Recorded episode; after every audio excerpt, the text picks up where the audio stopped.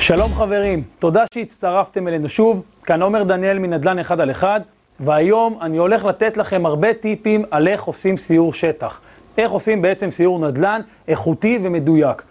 לפני שאנחנו עושים סיור נדל"ן, אנחנו נכין את הדירות על פי התקציב והפרופיל האישי. זאת אומרת, כמה כסף יש לי ומה אני מחפש, זאת אומרת, מה אני רוצה לעשות עם התקציב שלי. אני ממליץ, ממליץ לכם לקחת מספר דברים שיהפכו את הסיור נדל"ן שלכם לאיכותי ומדויק. טבלת שטח, מפה, מצלמה וטבלת הוצאות. בואו נדבר על זה. טבלת ניתוח שטח זה בשביל לרשום נתונים טכניים על הדירה כגון קומה, גודל, חדרים, מחיר מבוקש, צפי שכירות וכדומה. בואו ניקח דוגמה למה אני רושם את זה. לדוגמה, אני ארשום בסיור שטח מתי בעל הדירה מפנה לי את הנכס. למה אני צריך לדעת מתי הוא מפנה לי? כי אני רוצה, כמובן אני משקיע ואני רוצה להשכיר את הדירה. ואם הוא מפנה לי עוד חודשיים או עוד שלושה חודשים ולא במיידי למשל, אני מפסיד שכירות, אני בעצם מפסיד כסף. הדבר הבא שאני אקח איתי זה מפה. למה אני צריך מפה? אני צריך מפה בשביל לסמן איפה הייתי, להבין את הלוקיישן, להבין את המוקדים המרכזיים ולהבין את הקהלי יעד. זאת אומרת, למשל, דירה שקרובה לאוניברסיטה, אז המוקד המרכזי זה האוניברסיטה וכדומה. מצלמה, למה אני צריך מצלמה? אני צריך מצלמה בשביל לצלם את הדירות, שבסוף הסיור שטח אני אוכל לפתוח את התמונות שצילמתי ולהיזכר מה ראיתי בסיור. וחברים, לאחר שסיימנו את הסיור עם ארבעת הדברים שדיברתי עכשיו, אנחנו נצטרך לבצע ניתוח נדל"ני בשביל לבחור את הדירה האטרקטיבית ביותר.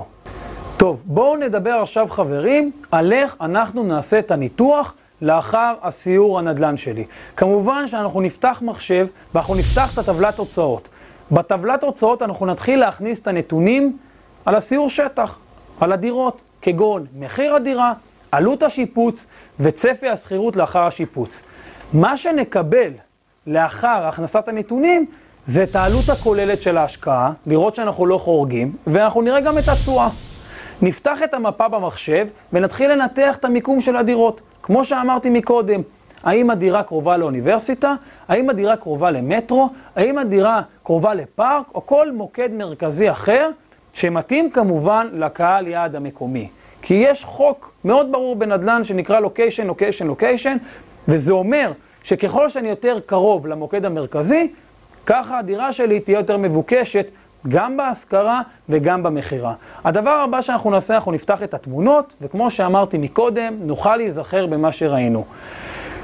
הדבר שאנחנו צריכים לעשות אחרי שאנחנו מכניסים את כל הנתונים ומתחילים לראות בכל העיניים את כל הנתונים, מתחילים לחשב אותם, אנחנו נתחיל לבחור את הדירה. אנחנו נבחר את הדירה על פי התקציב והפרופיל האישי. זאת אומרת, אנחנו נראה שהדירה לא חורגת לנו בתקציב, ונראה שהיא מתאימה לנו.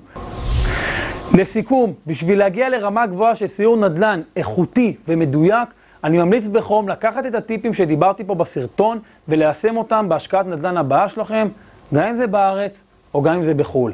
אני מאחל לכולם בהצלחה ועתיד פיננסי טוב יותר מעומר דניאל, נדל"ן אחד על אחד.